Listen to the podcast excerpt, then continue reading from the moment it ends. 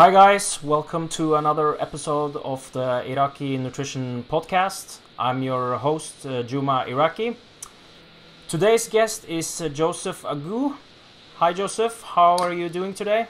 Hi, Juma. Yeah, I'm great. Thank you. Um, yeah, thanks for having me on the, the podcast.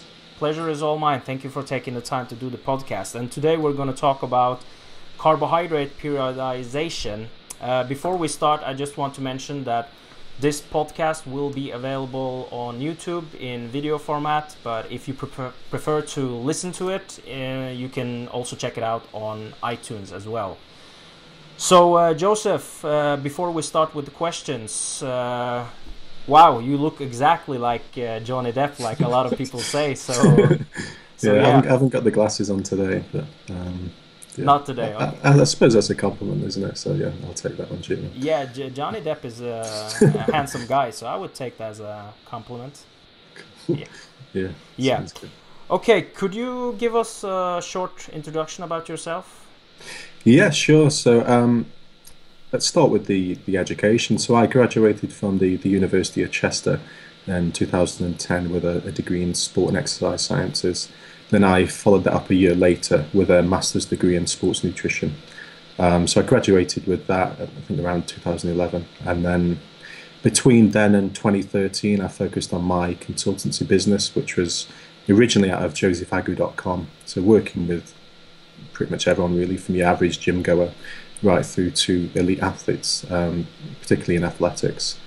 And then in sort of late 2013, um, I got a job at the, the English Institute of Sport, the EIS, uh, working with British Athletics, um, which was which was great. You get a chance to work with many of the, the Britain's best track and field athletes is a, yeah, a, a, huge privilege, and some of them have gone on to, to medal in, in the, the recent Olympics, so, uh, which which is good to see. And then I finished there about a year ago, probably maybe close to eighteen months actually, and since then I've been focusing on my consultancy business again and, and still working with a handful of elite athletes and, and back to working with um, these sort of average gym goers and um, people seeking improved body composition, etc.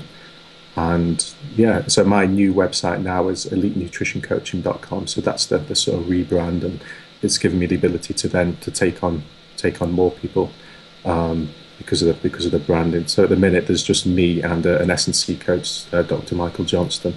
He's uh, he's the S&C coach at British Athletics. So um, yeah, I do the nutrition, uses the training, so it works it works pretty well. Yeah, and that's pretty much where we're at at the minute. Excellent. Have you um, have you ever competed in any sports yourself?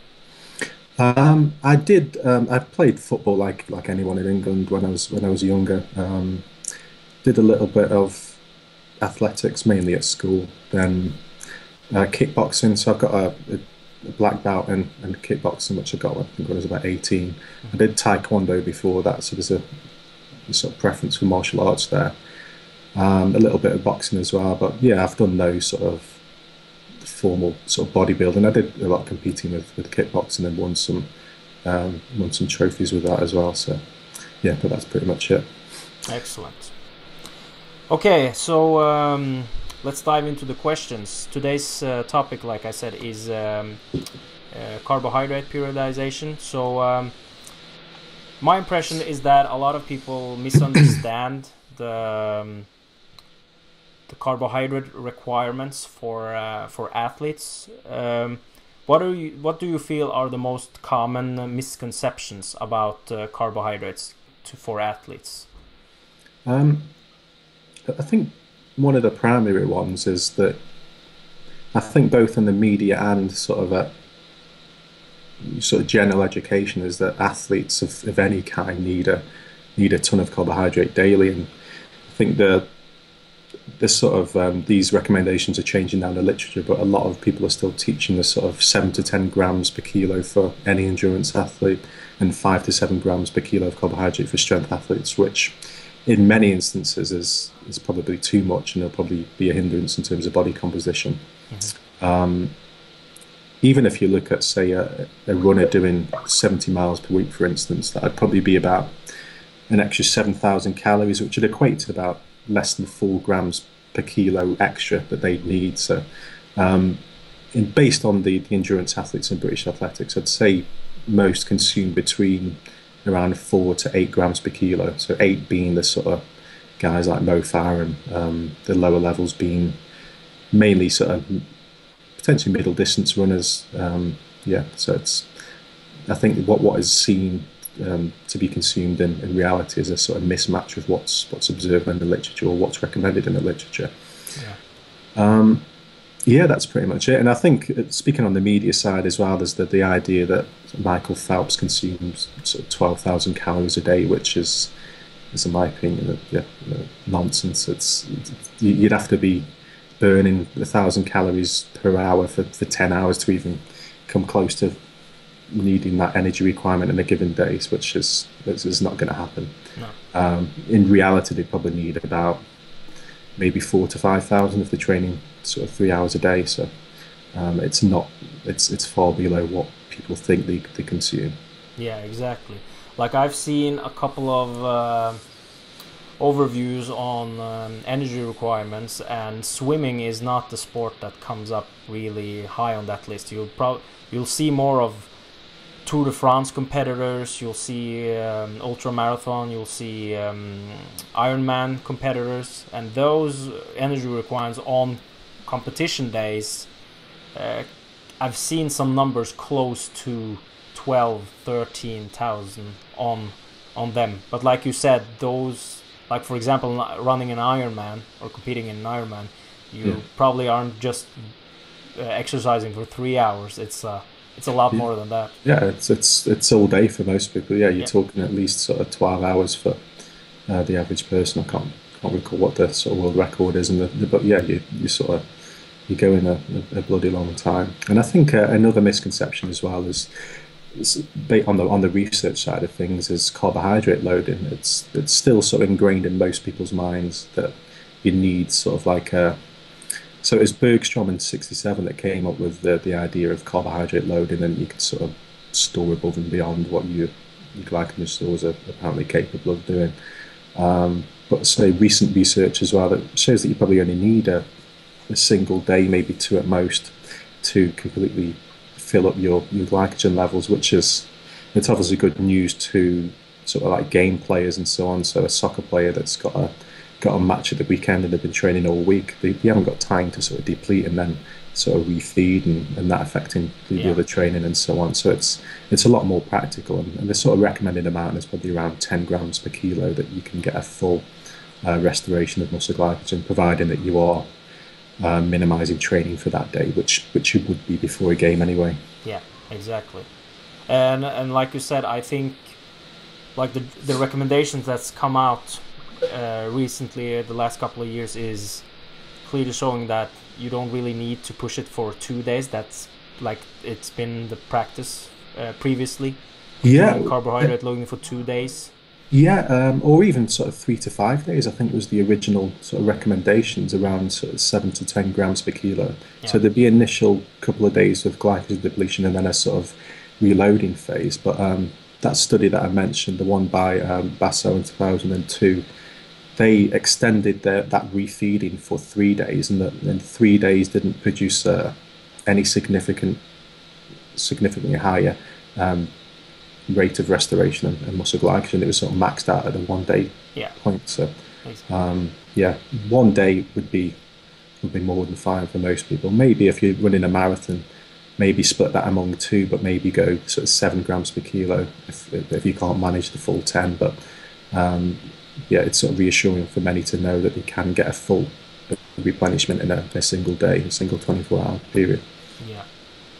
And I think, uh, like, I think it also depends on what types of sports you do because, like, I, I've seen people before before competition day, they'll do two days of carb loading and they'll use the maximum amount that's required, like yeah. 10 to 12 grams of carbohydrate per kilogram of body weight and uh, that can be a hassle uh, on those days, especially yeah. considering GI discomfort, uh, and that's something you probably don't want to drag into a competition day as well. Yeah, you, you don't really want to yeah continue doing something that's a, a pain for, for more than you have to. Mm-hmm. Um, yeah, it, trying to eat 12 grams per kilo for two days is a, is a big ask. One day is challenging enough, but trying to do that back to back, um, yeah, there's not many that could could stomach that, and the ones that could, yeah, you'd end up just feeling ridiculously bloated. You'd be on the toilet more or less constantly, and yeah. Um, yeah, and that additional energy is just essentially going towards fat storage anyway. So it's not going to be a big deal because it's only an additional day, but um, at the same time, it's not providing any any benefit. Exactly. And like you said as well, if you're if you're continuing that sort of, if you are getting sort of GI discomfort as well, there's a possibility that that can carry over to competition as well. So yeah. it's probably worth doing the minimal effective dose, like like with anything in sports nutrition. Exactly. So if you were to give some, uh, like if you were to, because obviously different sports have different carbohydrate uh, requirements um, and recommendations. Uh, could you give us a couple of examples what the general rec uh, recommendations are for some some different sports? Yeah, so um, for endurance, when they say you get someone performing sort of 70 to 100 miles a week, which is consistent with what most elite guys would be doing, uh, perform like sort of 5, 10k and, and up to a marathon and, and so on, then maybe about 5 to 8 grams per kilo per day of carbohydrate. Um, for someone in the gym, it, it's it's a difficult one to estimate because people have got different training philosophies. If you're doing a lot of volume and a lot of frequency training, a lot of muscle groups per week, then um, or the same muscle group multiple times per week, then you are going to burn through a lot more carbohydrate than say if you did sort of like a, a high intensity training where you'd be you'd be lucky to burn through a couple hundred calories in a given session. So you're not the additional carbohydrate demand isn't isn't that much at all. Um, so what I'd do then is I'd work out for, for strength training, I'd work out their total daily energy expenditure, um, factor protein and fat, and then just let carbs fall as they may. So mm-hmm. um, that probably end up between about three and five grams per kilo, and for, uh, for most most people training so like a three to five days per week. Yeah. Um, and for sprinters, um, so I, I work primarily with sprinters in British athletics, and again, it depends on the coach's training philosophy. Some guys would only would, would do minimal training, so they get down to the track. So they'd say they do three hours training per day, um, but they get down to the track, they'd probably have a chat for 30 minutes, do a warm up for 30 to 45 minutes, um, do a few strides, a few starts, um, just a few other drills as well, which are pretty. Um, more skill based, so they aren't they aren't that demanding in terms of um, energy metabolism. And then they'd probably go in the weight room to do like a 45 minute session, but that session would be probably three or four sets of cleans, um, maybe some specific isolation drills if they if they need it, if they're rehabbing and so on. So the overall calorie burn in that three hours is isn't isn't that much at all. So you'd be you'd be lucky to require an extra 150 grams per day with that. Um, whereas if you if you look if you take the the recommendations on face value in the literature, then you'd be recommending sort of five to seven grams per kilo. Where in reality, it's probably more consistent with a someone who's training in a gym, sort of three to five grams per kilo.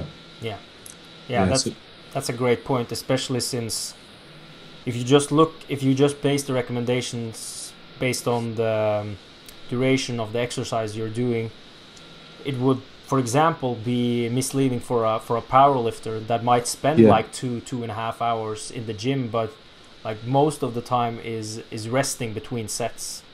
Yeah, and it's it's difficult in that instance to get an idea of total calorie demand because you you ask most people how how much they train in a given week. They give you that time in hours, and mm-hmm. um, when I do these questions now, I um, I phrase it in how many hours of sort of low intensity, sort of skill based stuff, how many hours of medium intensity, and then high intensity, and you get you can get a better picture in, in, in that regard and come up with a much more accurate way of determining expenditure. And, and just as well, if you're working in a in a given sport, you see what training they're doing anyway, so you've got a good idea of what their energy requirements is going to be roughly, and then. Like with everything, you end up tweaking it then based on what you see in see in reality. So body comp changes, um, the performance quality. So if they're feeling a bit flat and yeah, you'll probably need a bit more, a bit more carbohydrate and, and so on. So, um, yeah, I think the recommendations only go so far. I think it takes a, it takes the, the coach's eye to sort of see and, and assess where that needs to be. Mm-hmm. Exactly. One, one, um, one other um, misconception when it comes to carbohydrates for performance and athletes is that it's a one size fits all shotgun approach where you try to shove as much carbohydrate as you can to to form, perform the best. But but uh, there has been some changes the last couple of years where you see that people are more talking about carbohydrate periodization during yeah. the week. Could you explain a bit more about that?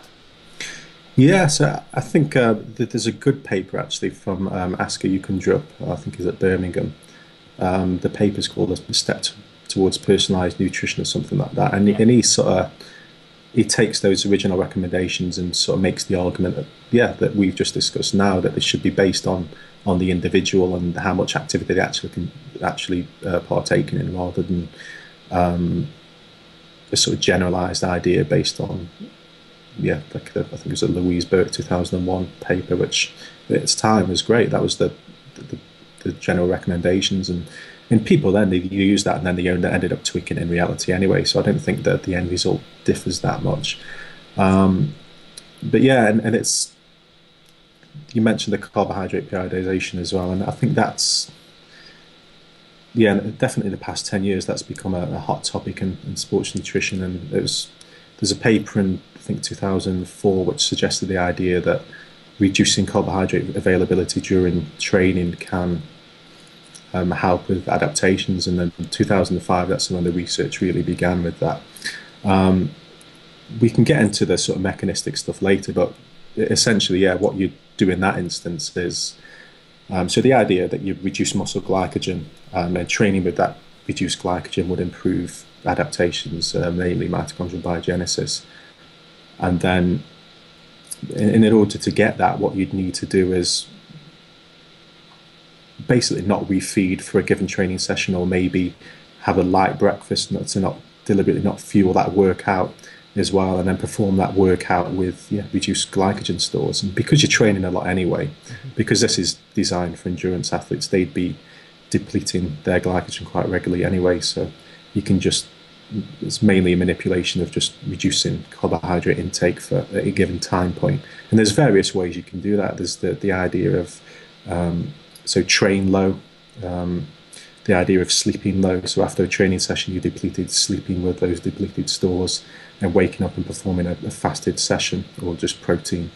Um, yeah, just protein, and then at the same time as that, um, to avoid sort of to minimise hunger and stuff, you can compensate those those calories taken away with carbohydrate, replace those with, with fat. So um, at least you're maintaining the, the, energy intake and that energy availability somewhat. Excellent. Um, you, you, you mentioned this with train low, sleep low.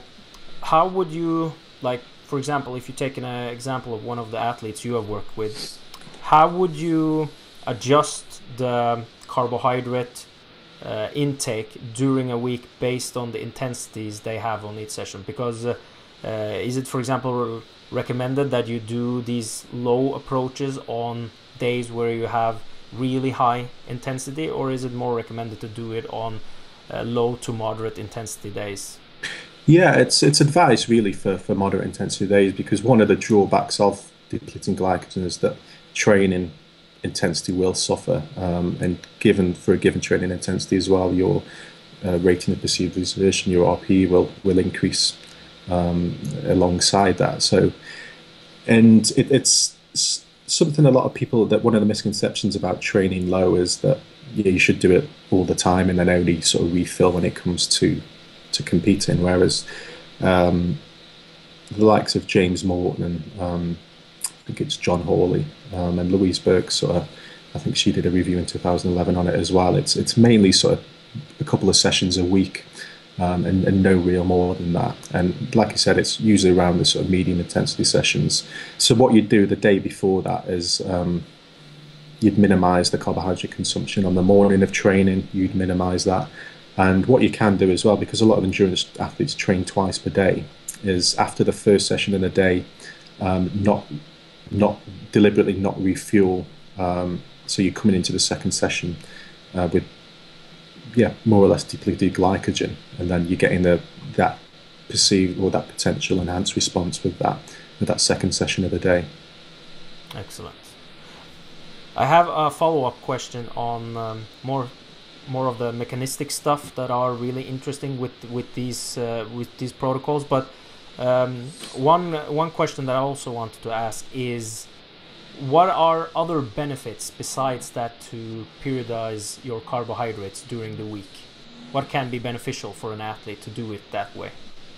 Um, in terms of psychology, main uh, probably getting a, a, break from not shoveling tons of carbohydrate um, down the throats every day, and, and maybe sort of have a lower carb and higher fat day one day, and uh, it sort of breaks up that monotony a little bit. Um, potentially, if some people experience GI issues as well with, with high carb diets day in day out, then you sort of minimise that those stresses on a couple of days per week. But in terms of a performance benefit beyond the sort of potential benefits of training low, uh, which we'll, we'll discuss we'll discuss um, in a bit as well in, in, terms of the actual research and what's that shown. I don't think there's any any benefit beyond that. Excellent. What about weight management? Do you think it will be would be beneficial for that as well in some sports?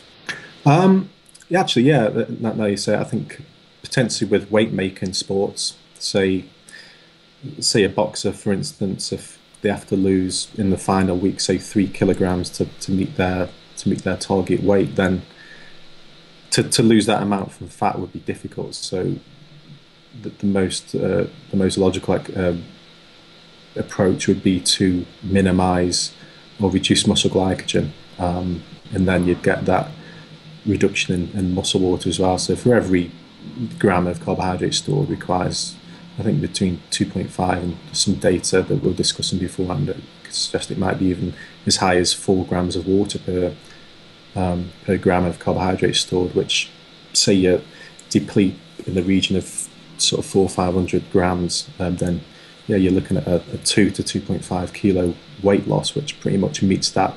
And then just some slight dehydration as well would get them um, get them right on the scales. And then if you, especially with, it depends on the, the actual time period between the weighing and, and then the, the, competing. But a lot of boxers, it's at least 24 to 36 hours before the before they fight after the weigh-in. So that's plenty of time to sort of refuel their muscle glycogen stores, rehydrate, and so on, without affecting performance negatively. Unless you're a jockey. yeah, yeah. The jockeys have, have, got it bad. They probably have to stay. Well, they, they have to stay at the, the reduced weight whilst they're on the horse as well. So when they're actually competing and exerting energy, which is is that little bit more difficult. Yeah, you basically have to do. It's like a constant depletion where you can't replenish anything, unless uh, unlike the other sports where you actually have the ability to make weight and then replenish water and uh, carbohydrates afterwards. Yeah, definitely. It's um, yeah, I've heard of one or two horror stories about what jockeys actually consume, and um, stuff like less than 500 calories per day, approaching races and so on, and yeah, um, yeah just drinking coffee and having protein shakes or, or just toast, and it's yeah, it's, it's not much at all. And, you, you, and the, the work that Graham Close is doing as well, you you discussed it briefly beforehand, and um, and yeah, you, you can understand why that their bone health suffers, their immune function suffers, and yeah, and the, yeah the essentially emaciated uh, most of the time and minimal muscle mass. And yeah, that's that's part and parcel of the sport. They've got to weigh as little as they can to to maximise the efficiency of the of the horse who's racing. So yeah, um, I think it's, it's especially problematic that you are competing in a sport where you have to follow a diet that are detrimental to your bone health and at the same time you're at a very high risk of fractures because of the risk of falling from the horse as well. Yeah, yeah, it's a double-edged sword in a way, isn't it? It's but yeah, and unless there was some sort of regulations enforced by I don't know the governing body is around sort of jockeying um, if they've got one, but yeah, sort of minimum BMIs and things like that. I think would go a long way to improving overall health and, and in the athlete. Um, but like with any sport, there's often a trade-off between health and performance. If you look at um, look at a lot of runners, soccer players, when they retire, they've got basically knackered knees and, and ankles and so on. And um, but yeah, if you're paying me sort of 50 million quid a year, I, I don't mind having knee replacements at, at 40. So yeah, exactly. That's uh, that's uh, you take care of that later when you retire. And yeah, yeah. So exactly. Yeah, and and a lot of athletes accept that risk as well. And I think there's a I can't remember where I read it initially, but there's a question posed to a bunch of Olympians, um, and they said something like, if, if you could be guaranteed gold, would you sort of die at the age of like 40 something? And yeah, pretty much all of them said yeah, because their goal is purely set on, on that goal. They don't care about the health, the long term health. And the same with bodybuilders as well. If, if you look at um, the amount of steroids and, and stuff and the, the amount of food that they're eating day in, day out, and and yeah, all the different hormones that, they're injecting, it's it, yeah, it's obviously not good for, for heart health and, and cardiovascular health in general. So it's but it's a it's it's a trade off that they're, they're they're willing to accept. Yeah, exactly. I actually think uh, my one of my professors on the IOC program, Ron Maughan, mm. discussed this when we were talking about um, drugs in sports. That yeah. a lot of athletes are willing to die in the next years if it would guarantee them winning the gold medal in the Olympics. So that's how that's how dedicated some people yeah. Some people are, and that's it's actually scary to to think about. Yeah, and yeah, uh, Rio was only a, a week or so back, and you could you could see it in the athletes' faces and stuff when they missed out on a medal or, or they didn't, or say someone a hurdler fell or something like that. It's to them, it's like four years of their life wasted, and and many of them won't get that chance again. And it's yeah, it just shows you what's at stake for, for, for those guys. And I think in reality, there's there's a lot more to life than than competing in the Olympics, and I think that's a, a more of a first world problem. Um, but in, in that athlete's mindset, they are they are a different breed in terms of the way they think and the motivations and so on. And yeah, they they don't care if they're putting themselves through any potential harm as as long as they're as long as they're performing as best they can Yeah, exactly. So um, you mentioned a bit about the the fun stuff, the mechanistic stuff that happens with uh, with uh, having lower carbohydrate um, availability on some days. Could you could you explain how how we got interested in this and uh, what has the research actually shown? Yeah, so the I'll explain the sort of the, the proposed rationale uh, first of all. So yeah, like like we were discussing earlier, training with limited glycogen availability uh, basically increases the, the activity of a number of um, cell signaling pathways. So um, the, the key kinases are like AMPK, um, P38, MAPK, and, and then the sort of um, the transcription factors like P53, and then the, the tr- transcriptional coactivators like um, PGC1 alpha. And what these do is have a knock on effect, uh, with the endpoint being a, an upregulation of the the nuclear and mitochondrial uh, genomes, which essentially the, the, key the key aspect of this is an increase in mitochondrial mass and mitochondrial biogenesis. And yeah, so to, to summarize that in, a, in one in one sentence would be that training with limited glycogen increases um, one of the known, and probably the most important um, adaptive component um, of muscle uh, for endurance athletes.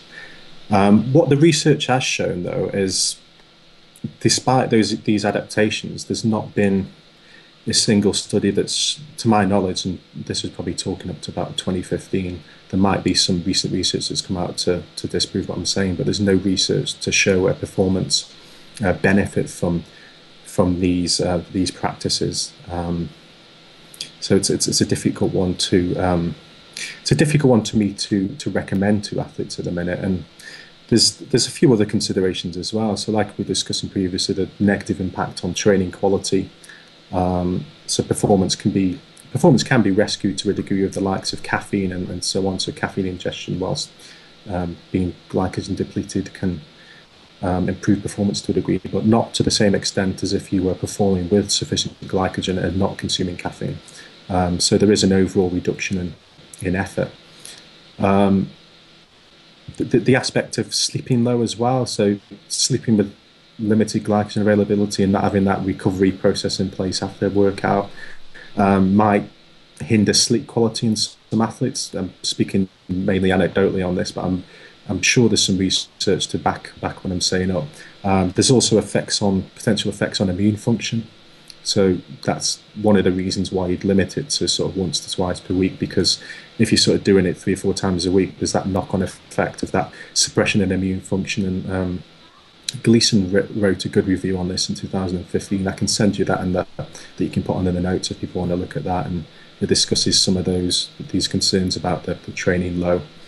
And I, th- I think as well, some of the practical considerations are that most athletes, and probably one of the reasons why, at least in people who are better trained, because some of the research, especially the early research, is done on people who aren't, aren't well trained. Um, but for those who are trained, there's not many athletes who perform every session. Well, there's I haven't, I haven't met a single athlete who's performed every session and with completely filled up glycogen stores. So if people are training twice per day, which most elite athletes will be, their second session of the day will be almost always be completed with a uh, reduction in muscle glycogen stores. So they're getting some of these benefits by default. So then trying to identify these in studies where a, uh, uh, potential other limitation is you, are assessing these in studies where the um, the measurement error or the, the accepted significance is um, larger than any performance. So a performance benefit of 1% would be massive in, in the real world. That would separate the top three or four finishers in most Olympic finals. But if you measure that in a lab and you're getting maybe a 1% increase and you might only get that in a handful of subjects, then that isn't going to reach statistical significance. So it might be due to, to measurement errors as well and the sort of application of that into a, a practical sense. Um, one of the things that, that I found as well is that it's difficult to convince a coach to do something um, that's going to make their athlete perform worse in a training session, especially when you haven't got the research there to to say that you're going to get a performance benefit from it.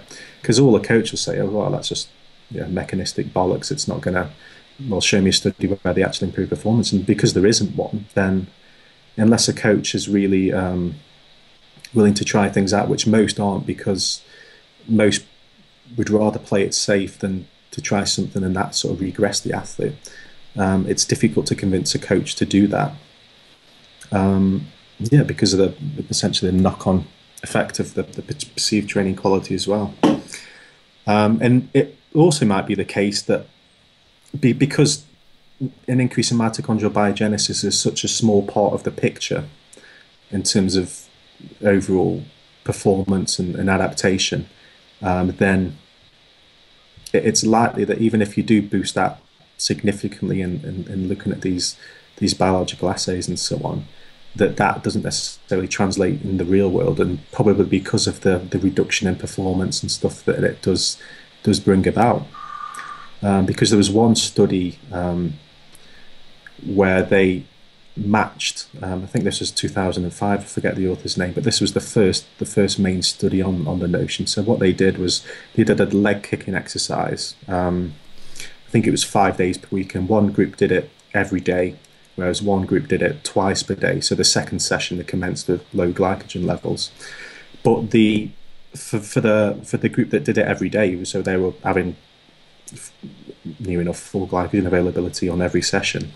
Their workload was clamped at the equivalent of what the, the group could perform in a low group. Whereas in reality, the, the high group would perform a lot more because they've got sufficient glycogen.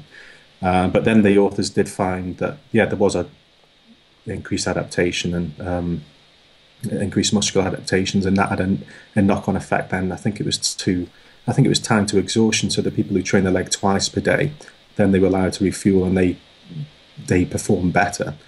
Um, but that was only because intensities were matched. In other words, the intensity of the, the high carb group every day was suppressed. So but in reality, you aren't getting that. You aren't getting that suppression of intensity. You're going to be training a considerably higher intensity with the, the presence of glycogen uh, or sufficient glycogen. So um, it, it's almost like it cancels itself out. That's what we're seeing in the research at the minute. Um, yeah, and it'd be interesting to see how this sort of pans out over the next sort of three to five years, and especially with the likes of um, James Morton doing a lot a lot of stuff on it at the minute. Yeah, I think I think one of the problems is like you said that sometimes performance can be can be difficult to to measure in a lab setting as well. That's one yeah. thing, and that it can be also challenging to reach a statistical significance because if you look at like I often look at a paper and I'll see if they have the individual data points. I'll see, for example, two or three outliers. That paper might be appropriate to use on, for example, an athlete because usually yeah. those are the type that usually are the outliers in uh, yeah. in the studies. Um, so yeah, that's that's my my view of it. Why we haven't probably seen any uh, benefits from these adaptations. And like you said, I can understand why some coaches might be inclined to use these protocols if it might um, reduce the athletes' performance since we still haven't seen any benefits uh, benefits from yeah. it yet. Yeah, and uh, just as a, an aside to that, I think one of the potential benefits would be um, so similar to strength training that you've got the occlusion, so you can train at a relatively um, lower intensity but still get the same metabolic stress, and it's similar to to this training as well. So if you if we know that if you can get the same um, performance outcome whilst training low, um, and then obviously with a compromised intensity, for someone who's recovering from injury, where you can, where that intensity is sort of um, what they're capable of doing, then you could argue that that would be potentially beneficial in that regard. But for someone who's in full training and in the swing of things, then for me, for me, it's not a plausible um, practice at the minute. I think it's, as you know, working working with athletes, there's they're just like the general population really in terms of how they how they approach their nutrition. Sometimes is often worse because they've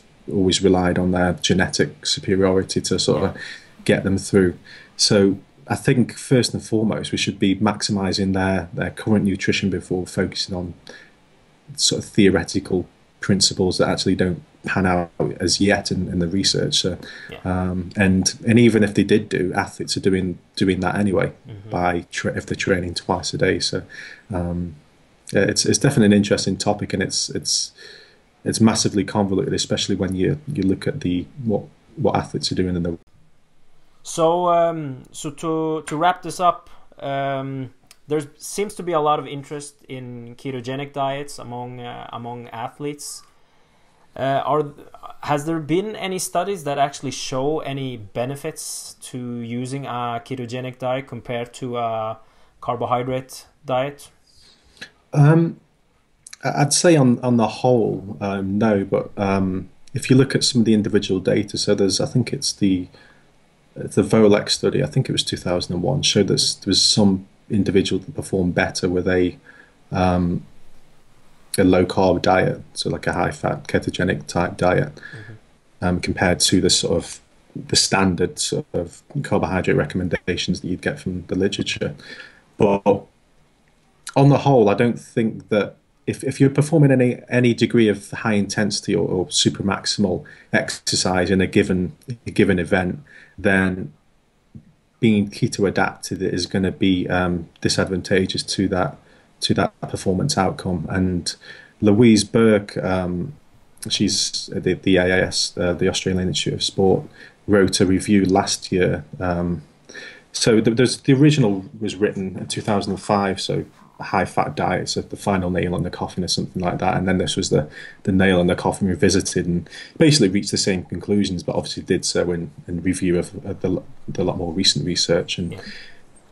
and it, what what it comes down to is that you can't physically provide energy quick uh, quickly enough to cover um, the cost of anything that's of, of, of any high intensity. Um, so even stuff like a marathon, you've got it depends on how it's run. If we take the 10k for instance, with Mo Farah when he won that at the the Olympics, um, they basically run around at quite a sort of leisurely pace, at least in, in terms of their their capacities, and then it essentially comes down to the last 600 meters where they kick, and they are actually going sort of balls to the wall, um, and there's no way they could reach those intensities on a, a, ketogenic diet, and you could probably argue that they couldn't even reach those throughout the former um, 9,000 plus meters of, of, that event as well. And I don't think there's any Olympic event where an athlete would benefit from a ketogenic diet. Um,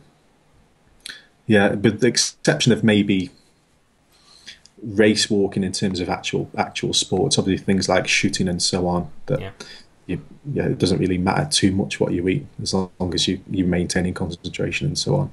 Yeah. Um, but yeah, and there's no athletes as well that have medalled in say track and field who consume a ketogenic diet, and that doesn't show evidence of the lack of effect. But if that was better than the sort of the standard higher carb intake, then you'd see a lot more athletes doing that. And at worst, it's going to be inferior, and at best, it's going to be as good as a high carb diet. Um, so I see no reason to do that for any competitive sports. Um, in terms of stuff like bodybuilding, there's there's a lot of people now who are um, training sort of keto in the gym and stuff, and I think I think you can you can get away with that because especially if you're performing sort of lower volume or high intensity stuff with longer rest periods, and what you can do as well is a more targeted approach. So Lyle wrote about this and there's, there's ketogenic diet. I'm, I'm sure everyone's listening has, has already read that. It's almost 20 years old, so you can't have you can't have missed that one. Um, yeah, so consuming carbohydrates just specifically around the workout. So I think his recommendations were consuming before,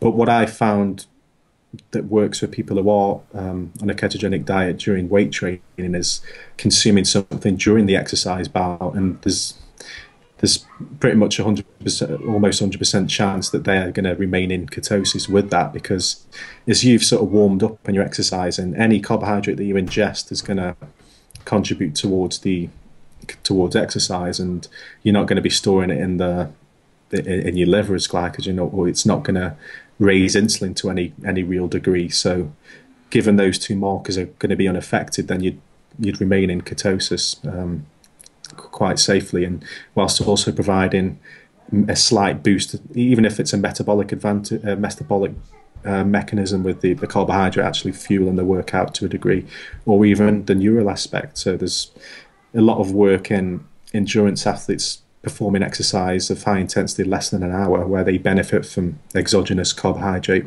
consumption uh, because of the effects on the sort of neural pathways because of the uh, the oral cavity detecting the, the carbohydrate and increases the sort of um, the motivation, the reward process of that um, of that exercise. And yeah, so similar to the sort of mouth rinse studies as well, you can get performance effect just by swilling and tasting the carbohydrate and then spitting it out. Although I'm not sure there's many gyms that allow you to do that and end up with Lucozade all over yeah, the floor. exactly. Um, but yeah, it sort of it fits with that mechanism. I've, I've seen sort of good results with that. Um, yeah, with clients, not personally. I've I've tried to keto adapt once. I got about a week in, and um, I started feeling like shit for a, few days into it, and then by a week I sort of gave up on it because I had a lot of deadlines and stuff to and I couldn't I couldn't brain for the for the for the life of me. So yeah. um, even with stuff like coffee to try to sort of increase the cognition and stuff, I was just I was just gone. So yeah. um, it's not something that suits me, I think, and I think that's a that's consistent with a lot of people. It's actually quite impractical for most to keep carbohydrate say below 50 grams per day in order to remain in ketosis. Um, you're essentially eliminating all carbohydrate apart from the vegetables. So um, yeah. it's it is difficult.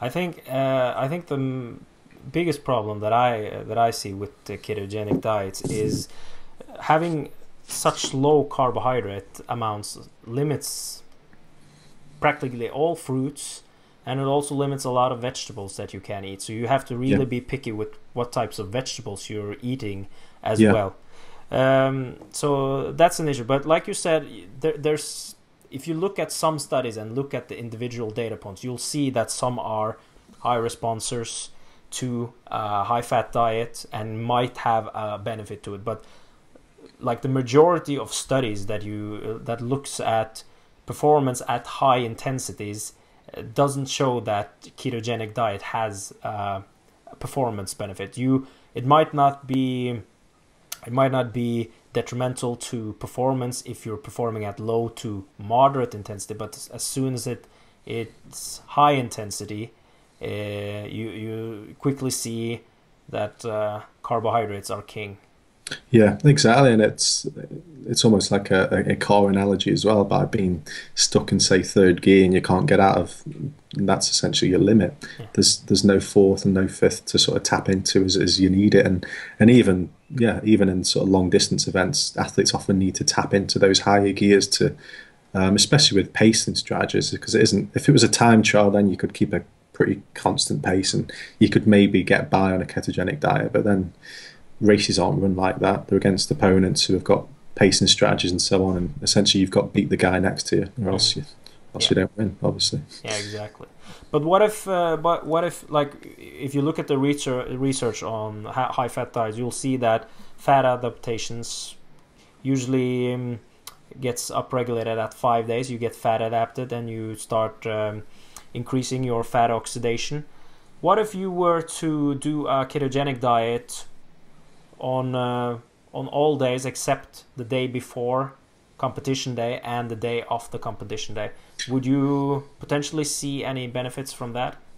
Um, there's there's actually been some data on this, and and they've shown that when people are fat adapted, even with high carb days in an attempt to restore glycogen and then restore that ability to um, to undergo glycolysis to produce that energy, uh, it, it it doesn't seem to doesn't seem to work. And one of the reasons mainly is a, a sort of reduction or a downregulation of pyruvate dehydrogenase, which um, inhibits um, glycolysis somewhat. So the carbs that you are eating and the carbs that you've got stored, you can't use them to the same degree, and it's and it makes sense as well, especially when you look at the research during exercise, when you can train your gut to absorb more carbohydrate the more you ingest. And carbohydrate is quite um, of the three macronutrients, that's probably the most flexible in terms of your body's ability to um, to shut off its usage and to to oxidize more. There's the flexibility there too, um, and that's one of the reasons why it's probably best to keep carbohydrates relatively high at most time points.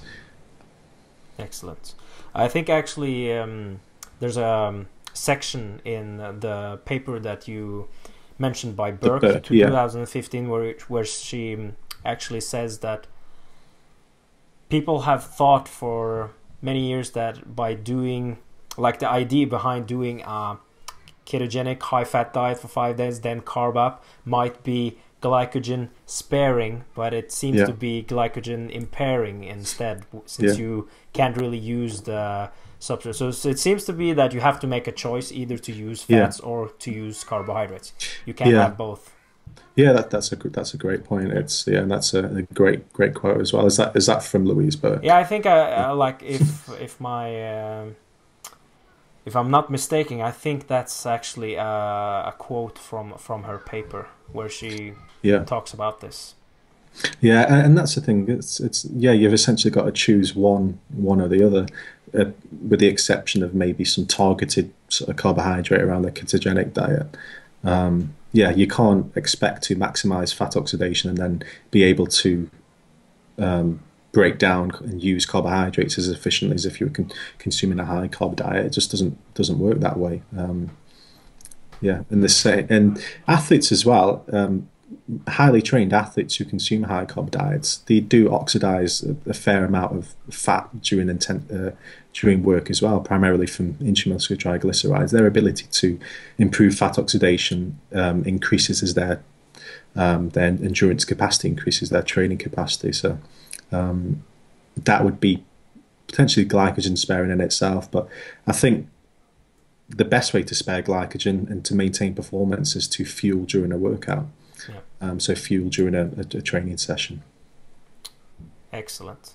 I think yeah, I should bring you back for another podcast where we can talk specifically about that topic because that's a that's a interesting topic to talk about carbohydrate consumption during exercise, especially with the with the research looking at um, uh, different carbohydrate, different uh, sugars that uh, might be beneficial to consume in combination with each other? Yeah, no, that I'd, I'd love to come back. Yeah, that'd be that'd be brilliant to sort of Thank talk through my ideas on that. And yeah, it's like you said, there's a lot of work done, especially in the past sort of ten years, uh, uh, looking at multiple transportable carbohydrates and yeah, the different absorption characteristics and, and yeah, how they yeah can affect performance and so on. Yeah, so it's it's quite a lot to quite a lot to get through. So yeah, I'd be happy, more than happy to come back and, and talk through those. Excellent. All right, Joseph, thank you so much for taking the time to do this uh, podcast. I think we covered a lot on uh, on this topic. So um, before we sign off, could you please tell us where people can find uh, more information about you? Yeah, it's um, yeah, it's a pleasure to be to be on, Jim. I was uh, yeah privileged to be to be asked you. to come on. Um, yeah, so you can find me at I do most of my updates on Facebook, so that is uh, facebook.com slash Joseph Agu Nutrition. Um, so J O S E P H A G U Nutrition. Um, my Twitter, I, the, the post on Facebook gets sent through to Twitter. I don't tweet independently of that, but that's um, just Twitter and then at Joseph Agu. And my website, um, where I'm going to be blogging a lot more um, now, is Elite Nutrition Coaching, all one word, dot com. Excellent. And uh, for people that are listening, I highly recommend you checking out uh, Joseph's Facebook page. He writes a lot of good Facebook posts that uh, uh that uh, has gotten a lot of um, attention lately, and uh, rightfully so. Because, like like I told you before we started, I think a lot of the stuff that you've been writing about lately is um, is really good. Thanks, Joe. I appreciate that. Thank you. All right, Joseph once again, thank you so much, and I uh, wish you a pleasant day.